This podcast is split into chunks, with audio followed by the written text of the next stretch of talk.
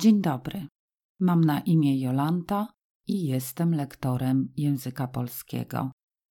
Jestem autorką kursu Karta Polaka, kompletny kurs online oraz podręcznika dla kandydatów ubiegających się o kartę Polaka.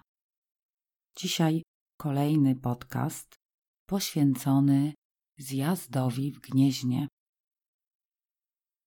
Bolesław, pierworodny syn Mieszka I i Dobrawy, panował w Polsce 33 lata. Otrzymał od potomnych przydomek chrobry, co oznacza dzielny, waleczny. Przez cały okres swego panowania Bolesław Chrobry umacniał i rozbudowywał państwo. W 997 roku na zlecenie Bolesława biskup Wojciech podjął się misji nawracania Prusów.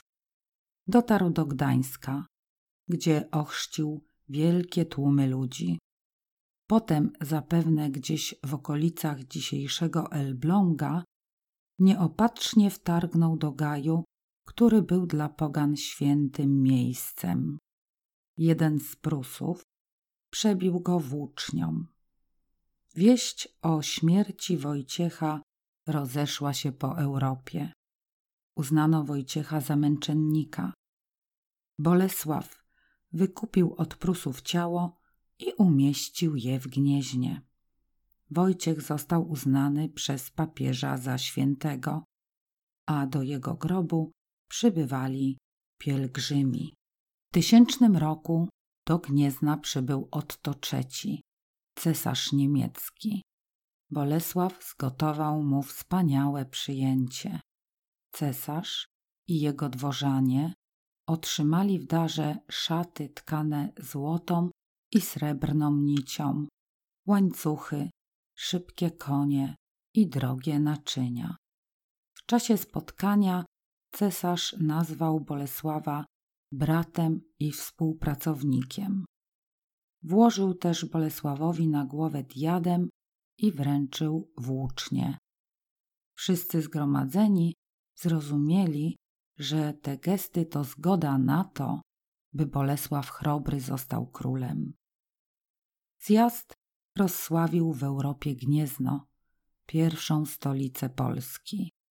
Dopiero kiedy Gniezno zostało zniszczone w roku 1039, wnuk Chrobrego, książę Kazimierz, uczynił z Krakowa główny gród Polski, czyli stolicę. Bolesław Chrobry koronował się w Gnieźnie na króla Polski w roku 1025. Ceremonia odbyła się w katedrze i miała niezwykle uroczysty charakter. Arcybiskup włożył na głowę Bolesława poświęconą koronę i namaścił go świętymi olejami. To był znak, że król sprawuje władzę z woli Bożej.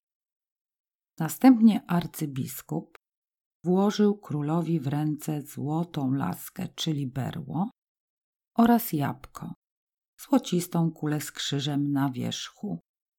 Król zasiadł na tronie i w ten sposób objął panowanie nad krajem. Koronacja oznaczała, że Bolesław stał się władcą niezależnym, posiadającym niepodzielne zwierzchnictwo nad państwem. Bolesław Chrobry i jego ojciec Mieszko I są założycielami i pierwszymi budowniczymi państwa polskiego. Podsumujmy. Kto był pierwszym koronowanym królem Polski? Bolesław Chrobry, koronowany w roku 1025 w Gnieźnie. Kiedy odbył się zjazd gnieźnieński? Kto przybył do Gniezna? W tysięcznym roku do Gniezna przybył Otton III, cesarz niemiecki i spotkał się z księciem Bolesławem Chrobrym. Odbył się zjazd gnieźnieński. Kim był święty Wojciech? Święty Wojciech, męczennik, biskup, który został zabity z rąk Prusów, pochowany w Gnieźnie. Na dzisiaj to wszystko.